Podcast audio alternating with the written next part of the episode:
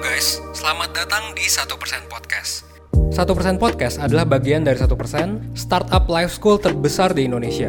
Dalam podcast ini kita bakal ngebahas topik-topik seputar kesehatan mental, pengembangan diri, serta edukasi life skills dengan tamu yang handal di bidangnya.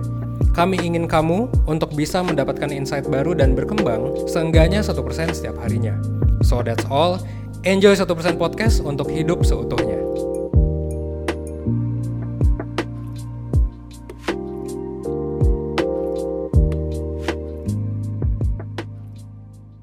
Halo perseners, balik lagi di 1% Podcast. Waduh, perseners, gimana nih kabarnya? Semoga pada sehat-sehat semua ya. Kenalin, aku Nadif, aku merupakan salah satu mentor dari 1%. Teman-teman, sekarang ini kita udah di penghujung tahun 2021 ya. Kita udah berada di bulan Desember nih. Biasanya, kalau di bulan Desember itu, masa-masanya untuk teman-teman yang udah bekerja itu untuk review performance atau biasanya disebut dengan KPI di kantor masing-masing nih teman-teman. Nah biasanya di saat-saat review KPI atau performance ini tuh kita bener-bener mengeluarkan segenap tenaga kita gitu ya atau sekuat tenaga kita biar kita bisa achieve nih di KPI-nya gitu. Nah dan jadinya itu sering kali kita malah overwork atau kerja terlalu keras gitu ya. Nah, ini pas banget nih teman-teman. Sesuai dengan apa yang mau dibahas di episode 1% podcast kali ini teman-teman. Yaitu mengenai hustle culture. Ngomong-ngomong soal hustle culture, aku nggak akan ngebahas ini sendiri nih teman-teman. Karena di sini akan ada rekan aku, ada Kasahila yang merupakan mentor 1% juga nih. Halo Kasahila. Hai Kak Nadif, halo Perseners, apa kabar semuanya?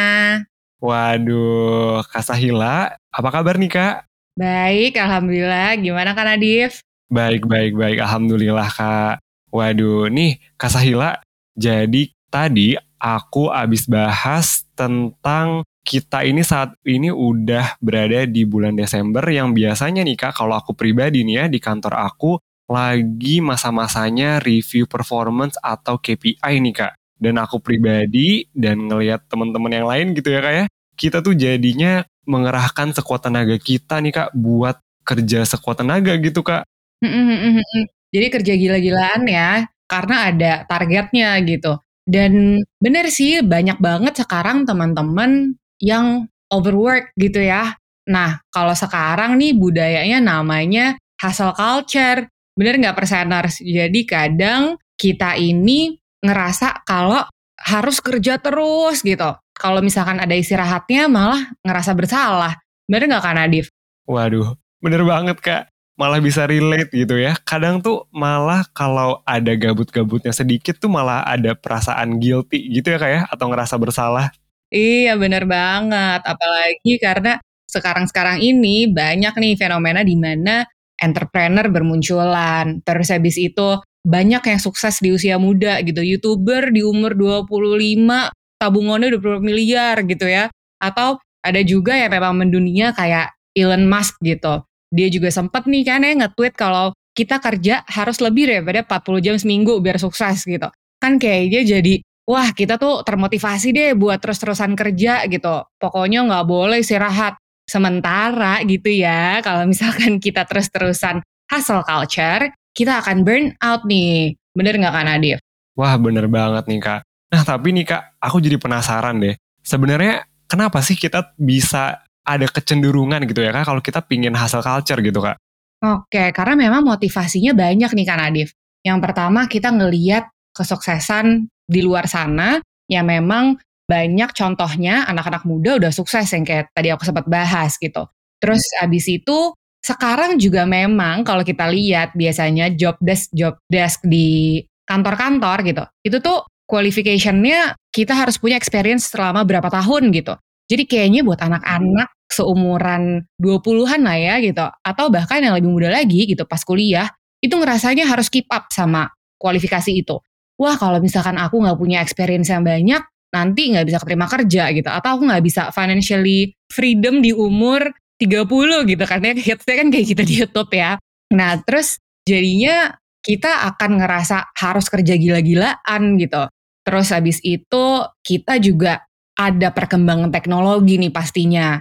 Karena ketika kita punya teknologi yang makin canggih, kita ngerasa kerja makin mudah. Bisa dari email, video call, voice call gitu ya. Jadi kantor pun ngerasa, ya kamu mah di mana juga bisa kerja gitu. Kirim aja lagi orang tinggal email. Sementara kadang-kadang kita lupa nih, ada loh working hours, ada loh yang namanya work-life balance gitu. Nah, selain itu juga ada nih teman-teman yang namanya toxic positivity gitu. Kayak misalkan, masa gitu aja capek, kapan suksesnya gitu. Sementara hal-hal itu seperti capek gitu ya, itu kan kita sendiri yang bisa nilai. Kita nih yang tahu tubuh kita sendiri gitu, bukan orang lain. Jadi teman-teman yang memang hafal dan familiar banget nih sama hustle culture, coba dari pikir lagi, apakah itu bisa berlaku di kalian atau sebenarnya malah jangan deh gitu. Kalau misalkan perseners gimana nih? Kalau Kak Nadif juga gimana? Wah, bener banget nih Kak. Jadi memang setuju banget sih sebenarnya kalau aku Kak sama Kak Sahila ini. Bahwa memang zaman sekarang gitu ya, mungkin terutama buat perseners juga yang uh, masih di usia 20-an gitu ya.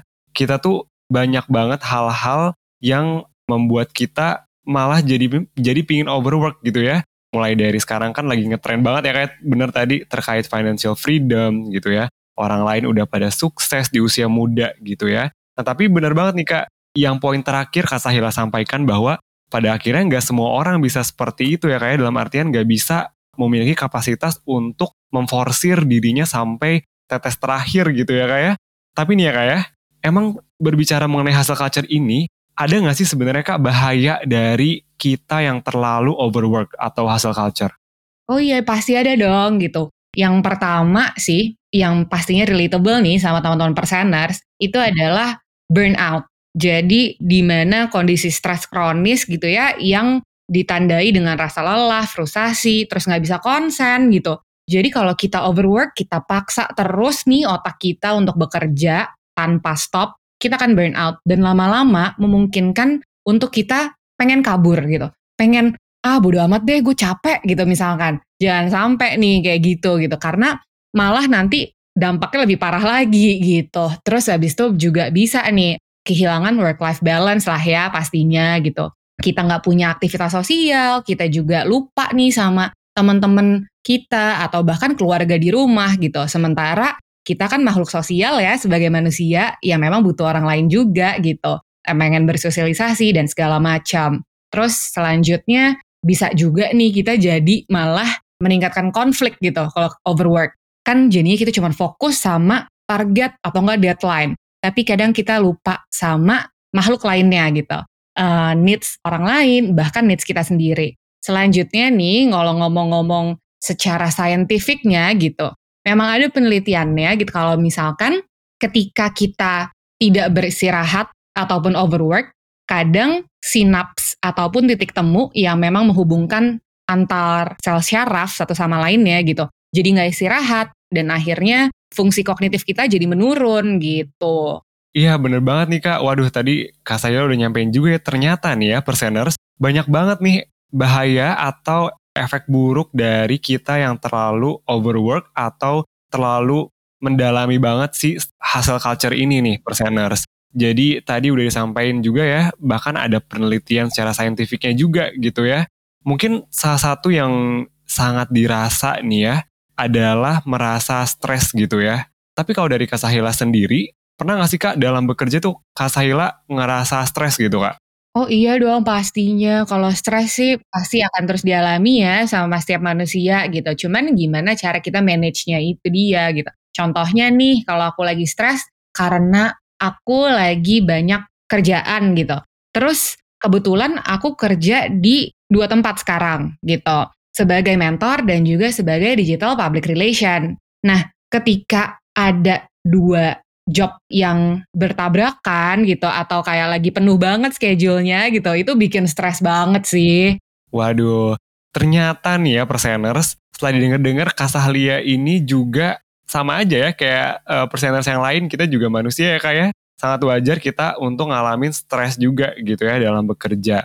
Nah, Jadi Kak Sahlia salah satu mungkin yang men-trigger Kak Sahlia merasa stres mungkin dari dua tempat kerja itu ya Kak ya. Nah, tapi dari Kak Sahlia sendiri biasanya kalau udah ngerasa stres gitu, apa sih Kak yang Kakak lakuin gitu? Oke, biasanya kalau aku pribadi sih ngedistraksi diri dulu ya, yang menurutku paling penting gitu. Biasanya distraksi ini bisa dengan me time, atau bahkan sekedar mengalihkan pikiran aja dari pekerjaan gitu. Contohnya nih, kalau misalkan lagi kerja mulu depan laptop mumet gitu ya, pengen banting laptop gitu rasanya. Terus akhirnya dibanding melakukan hal-hal yang ngaco gitu, mending kita keluar dulu dari ruangan kerja ini gitu. Kita keluar ngeliat view atau pemandangan gitu, atau bahkan kita cuci muka ke toilet gitu ya. Terus nonton TV bentar gitu, nonton YouTube, terus abis itu kalau memang waktunya cukup nih gitu, lebih panjang lagi misalkan, kita juga bisa loh jalan-jalan keluar, kalau misalnya lagi corona gini kan mungkin kita nggak bisa langsung keluar negeri gitu ya, kalau misalkan pengen simpel-simpel aja, aku suka jalan-jalan keliling kota gitu pakai mobil, terus ngeliat city lights gitu aku senang banget, atau makan di tempat yang lantainya tuh agak tinggi biar ada pemandangan kotanya gitu. Terus abis itu kalau emang memungkinkan waktu yang lebih panjang lagi, kita bisa nih staycation gitu. Tapi bener-bener fokus sama liburannya gitu sih. Kalau Kak Nadif sendiri gimana? Wah iya nih Kak, bener-bener Kak, aku juga setuju sih terkait salah satu cara yang bisa dilakukan pas lagi ngerasa stres gitu ya Kak ya.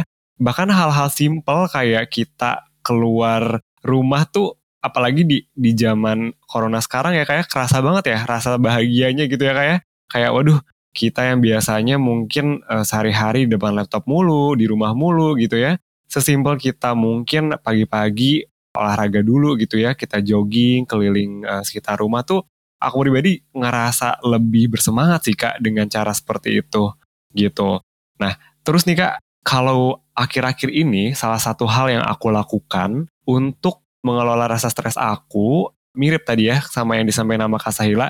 Aku staycation nih perseners. Nah biasanya kalau yang terakhir aku lakukan ini, aku bareng keluarga staycation di deket rumah aja kak gitu. Yang masih di dalam kota tentunya namanya juga staycation. Tapi kerasanya tuh sangat menyenangkan gitu. Sejenak kita rehat dari pekerjaan, terus lebih banyak quality time sama keluarga itu tuh ternyata aku pribadi ngerasa cukup nge-recharge diri ini sih kak gitu. Pasti banyak juga nih perseners yang ngelakuin hal sama kayak Kak Nadif ya. Hmm, hmm, hmm. Berarti sebenarnya yang tadi aku lakukan gitu ya, staycation ini mungkin jatuhnya dia lebih ke liburan ya kak ya? Hmm, iya benar-benar. Hmm, hmm, hmm.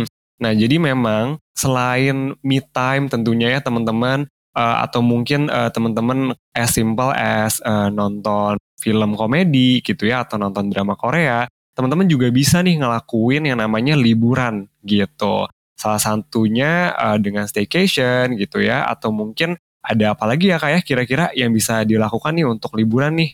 Oke, kalau liburan kan kita bisa ngelakuin hal-hal yang memang berbeda dengan rutinitas kita gitu contohnya ya.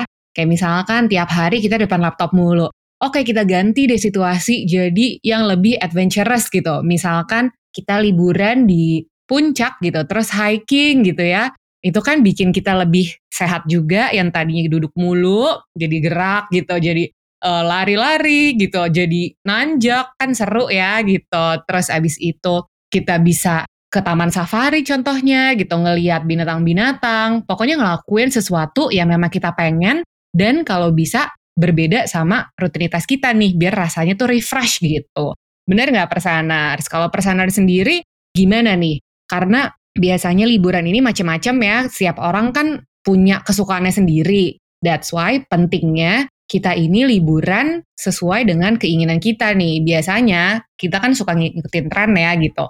Nah, kalau selalu ngikutin tren, bisa aja nggak cocok nih sama persaners. Kita mungkin sebelum liburan bisa dulu nih tanya-tanya sama diri sendiri sebenarnya pengennya gimana ya liburan yang menarik buat aku gitu. Jadi kita kebayang, kita set perfect picture dari liburan kita ini sendiri gitu. Kalau Kak Nadif sendiri pernah ngelakuin itu nggak Kak? Kalau aku nih ya Kak ya, aku tuh setuju banget sih sebenarnya sama yang disampaikan nama Kak Sahila tadi bahwa kita perlu untuk memahami diri kita lebih lanjut juga gitu ya kayak terkait liburan ini. Mungkin di sini perseners ada yang merasa liburan itu harus ke pantai gitu ya. Jadi mungkin teman-teman akan kecenderungannya memilih ke kota-kota yang banyak pantainya misalnya gitu ya. Tapi mungkin yang lain ada yang lebih senangnya itu ke museum gitu ya. Atau misalnya pergi ke hiking gitu. Jadi bener banget sih teman-teman bisa menyesuaikan sesuai dengan apa yang teman-teman sukai gitu ya dan mungkin teman-teman dalam liburan ini juga harus tahu nih teman-teman mau ngajak keluarga kah gitu ya atau mau ngajak uh, teman atau mungkin signifikan other teman-teman gitu ya biar liburannya bisa lebih optimal lagi gitu ya. Nah, Kak Sahila ngomong-ngomong soal liburan gitu ya. Emang liburan itu ada manfaatnya gak sih Kak? Pasti dong. Kalau misalkan perseners mau liburan nih gitu, ada beberapa manfaat nih. Contohnya kayak less stress pastinya. Stres kita tuh berkurang gitu. Karena kan kita nggak terus under pressure gitu ya. Kita bisa refreshing, terus kita juga bisa punya kualitas tidur yang pastinya lebih bagus lagi. Nah, kalau kita liburan, tekanan darah kita juga bisa nih jadi lebih rendah. Karena biasanya kalau kita under pressure kan pengennya marah-marah mulu gitu ya sama teman-teman kerja atau sama orang di rumah atau bahkan bisa juga di nampiasin gitu ke signifikan others kita. Jadi malah berantem. Waduh panjang deh ceritanya gitu. Bahkan ada juga nih penelitian dari Karen Matthews di mana kalau kita liburan resiko kita untuk terkena serangan jantung akan berkurang loh gitu. Jadi teman-teman kalau bisa liburan deh biar nggak terus-terusan tertekan gitu ya gitu. Kita bisa menikmati hidup dengan semaksimal mungkin. Wow, tuh perseners, ternyata banyak banget ya manfaat dari kita melakukan hal yang mungkin uh, terkesannya simple ya, liburan gitu. Tapi ternyata banyak banget nih manfaat atau benefit yang bisa kita rasakan gitu ya. Tadi yang cukup menarik salah satunya kita bisa jadi terhindar mungkin ya dari darah tinggi gitu ya. Karena benar banget sih kak, kalau misalnya kita kerja terus-terusan tuh rasanya bawaannya tuh malah kesal gitu ya kak ya, pingin marah gitu. Nah ini salah satu cara yang bisa teman-teman lakukan ini dengan melakukan liburan ini nih teman-teman. Nah tapi nih ya Kak Sahila, kalau boleh jujur, kadang tuh ya aku tuh udah udah ngerencanain mau liburan gitu ya. Terus aku tuh malah kebablasan Kak dengan liburan ini gitu ya. Karena ngerasa saking aku udah eh, nggak uh, sabar pingin liburan, jadinya aku malah kebablasan gitu Kak. Tapi sebenarnya ada gak sih Kak cara yang baik dan bijak untuk liburan tuh kayak gimana ya Kak? Oke, kalau ini versi aku ya perseners bisa aja beda. Cuman uh, kalau aku pribadi ini biasanya uh, sebelum aku liburan bikin plan dulu nih gitu. Uh, misalkan aku pengen liburan untuk tahun baru. Oke, kita pikirin nih tanggal cutinya pengen kapan ya. Terus abis itu sebelum cuti kita harus ngelakuin apa ya persiapannya. Yang pertama bisa booking tiket pesawat atau kereta atau transportasi lainnya gitu. Terus habis itu hotel. Dari situ juga kita bisa tentuin kerjaan apa aja sih yang perlu aku beresin gitu sebelum aku liburan. Terus dari situ kita jadinya nanti ketika liburan bisa lebih fokus, bisa lebih mindful, bisa lebih hidup di masa kini gitu ya. Menikmati liburan deh maksudnya gitu. Jadi kita nggak terbebani atau nggak kepikiran sama kerjaan-kerjaan kita yang belum selesai gitu. Aduh itu mah kadang-kadang jadi ngebunuh mood untuk liburan ya. Jadi penting banget itu ya kalau untuk kita sebagai manusia jadi lebih mindful gitu. Kita nggak terlalu khawatir sama masa depan dan juga nggak terlalu menyesali masa lalu gitu. Kita benar-benar fokus sama apa yang bisa kita lakuin. Oke oke oke kak, menarik tuh kak. Bener sih ya. Jadi salah satu yang bisa dilakukan itu kita uh, well prepare gitu ya kak ya. Jadi memang ya kita tentunya udah punya tanggung jawab di tempat kerja bukan berarti kita nggak bisa liburan ya kak ya. Jadi mungkin salah satu yang bisa kita lakukan biar nggak kebablasan tadi gitu ya, kita bisa coba direncanain dengan matang di awal gitu ya kak ya. Biar nanti juga saat liburannya tenang nggak dikejar-kejar kerjaan gitu ya kak ya. Nah ngomong-ngomong soal uh, mindful saat liburan gitu ya kak ya. Dari Kak Sahila sendiri ada tips nggak sih kak biar kita tuh pas liburan itu bisa benar-benar menikmati si liburannya itu kak. Karena ya mungkin perseners di sini juga ada yang merasakan hal yang sama gitu ya. Kadang tuh liburan tuh hanyalah sebuah nama gitu ya kak ya. Padahal isinya ya ada kerja-kerja juga gitu kak. Jadi malah nggak menikmati liburan. Nah kira-kira ada ada tips nggak sih kak? Nah iya nih. Kalau misalkan kita lihat zaman sekarang kan banyak ya yang work from Bali gitu. Itu sih seru banget. Aku juga pengen banget nih ngelakuin. Tapi kayaknya buat uh, beberapa orang gitu malah bikin pusing nih. Aduh pengen kerja atau pengen liburan ya gitu. Nah kalau misalkan kita benar-benar pengen bekerja di luar atau malah pengen liburan, kalau bisa sih kita pilih satu aja. Lagi pengen apa nih? Liburan atau pengen kerja? That's why pentingnya lagi-lagi mindful gitu. Kalau misalnya lagi liburan, ya udah kita liburan aja. Benar-benar main sama teman-teman, kemudian quality time sama keluarga, lakuinlah apa yang kita mau gitu. Jadi kita fokus untuk refreshing. Karena kalau kita setengah-setengah, uh, jadinya menurunkan tingkat refresh kita nih gitu. Terus habis itu penting punya plan, tapi juga penting untuk fleksibel. Karena kalau misalkan kita harus semuanya sesuai plan, nanti kita malah kecewa sendiri nih sama ekspektasi kita saat liburan. Terutama kalau misalkan kita lagi liburan sama orang lain, keluarga, teman, atau significant others lainnya, uh, kita kan nggak liburan sendirian ya gitu. Kita perlu mengerti orang lain juga biar liburannya lebih nyaman gitu, ngerasa togetherness-nya lebih banyak. Jadi kita penting banget untuk fleksibel. Terus kita juga yang penting untuk tahu role kita di situasi itu. Kadang-kadang nih soalnya ketika kita lagi liburan gitu kan, kan ada aja gitu temen yang bawaannya banyak gitu. Terus kita diem doang gak ngebantuin. Kadang-kadang malah itu bisa bikin memacu konflik gitu. Jadi kita tahu nih role kita, oh sebagai temennya kita bantuin deh gitu. Terus habis itu kalau misalkan kita lagi liburan ke rumah nenek gitu misalkan, ya udah kita sebagai cucu gitu, kita tahu role kita kayak gimana. Jangan terlalu egois gitu. Kita pikirin teman-teman yang lain, keluarga yang lainnya gitu. Terus habis itu limit your time on social media. Itu penting banget menurutku. Jangan sampai kita liburan cuma buat konten doang tok gitu ya. Kita juga harus enjoy momennya. Gitu sih Kak kalau menurutku. Wah, Bener sih Kak, tadi dari Kak Saila udah nyampein cukup banyak ya. Kalau dari aku pribadi ya, mungkin tips yang dilakukan biar bisa optimal gitu ya saat kita liburan, itu stay at the present aja gitu ya. Dan kita uh, coba kita fokus sama situasi yang ada gitu. Misalnya kita lagi kumpul sama keluarga, mungkin kita coba uh, diinget nih mungkin ini salah satu waktu yang uh, langka juga gitu ya uh, kita bisa kumpul sama keluarga jadi kita hayati peran kita di sana, kemudian kita uh, nikmati percakapan sama keluarga gitu ya, aktivitas yang dilakukan bersama gitu ya. Jadinya tuh dengan kita lebih aware dengan situasi yang sedang terjadi tuh malah membuat waktunya tuh berjalan dengan sangat nikmat gitu ya. Jadi kegiatan yang dilakukan tuh jadinya kerasa rilis energi-energi buruknya gitu. Jadi malah ngebuat diri aku tuh penuh dengan rasa bahagia gitu kak. Mhm, benar benar benar.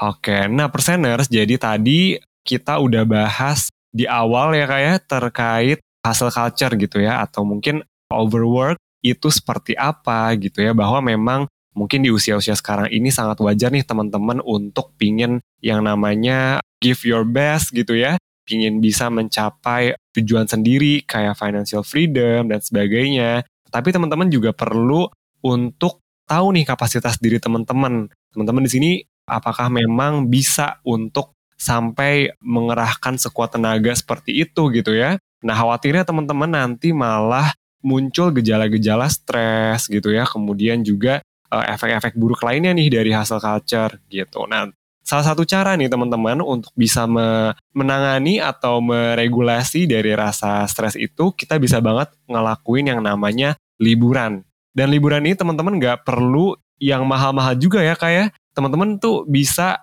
as simple as jalan-jalan di sekitar rumah gitu ya atau misalnya mencoba merubah lingkungan yang sehari-hari perseners jalani gitu ya. Jadi mungkin biasanya kerjanya di rumah mungkin bisa nih kita coba kerjanya di puncak gitu ya kayak ya. Yang penting ada situasi baru atau suasana baru gitu. Dan ternyata menurut penelitian juga banyak banget manfaat-manfaat dari liburan ini gitu ya kak ya. Hmm, benar banget. Terus teman-teman nih kalau liburan bahkan itu bisa meningkatkan produktivitas kerja kita lagi loh gitu. Karena ketika kita bisa liburan, kita relax gitu, nanti pertahanan fungsi kognitif kita itu malah akan meningkat dan kita jadinya bisa beradaptasi dengan baik sesuai keadaan. Malah liburan nih meningkatkan produktivitas kita jadinya. Waduh, bener banget nih kak. Dan kalau udah seperti itu, teman-teman bisa banget memanfaatkan waktu itu untuk mengembangkan diri lagi nih teman-teman. Perseners di sini bisa banget untuk cobain mentoring di satu persen, di mana nanti perseners bakal belajar lebih banyak nih tentang tips-tips gimana caranya bisa mengembangkan diri dengan lebih baik lagi, bagaimana cara meregulasi emosi dengan baik, dan masih banyak lagi nih. Kemudian selain itu, buat perseners yang masih pingin banget untuk tahu atau denger atau mungkin nonton gitu ya, konten-konten mengenai self-development, bisa banget perseners di sini untuk cek sosial media dari satu persen. Kita ada YouTube, terus ada Instagram juga at satu persen, terus juga uh, tentunya podcast ini ya kak ya. Iya bener banget nih. Terus kalau teman-teman pengen juga ngobrolin tentang hasil working, terus tentang produktivitas, tentang manajemen waktu, ataupun ngomongin hal lainnya yang bisa lebih dalam gitu, boleh banget nih ngobrol sama kita, sama aku, atau sama Kanadif di mentoring 1%. Nah caranya tinggal buka 1%.net, terus daftar deh di situ. Bener nggak Kanadif? Bener banget, Kak Sahila. Nah, nggak kerasa banget nih ya, kita udah berada di penghujung acara. Semoga podcast di episode ini bisa bermanfaat buat persener semua di mana pun berada. Dan sampai berjumpa di episode selanjutnya. Dadah! Bye perseners! Semoga dengan dengerin ini bisa hidup dengan seutuhnya.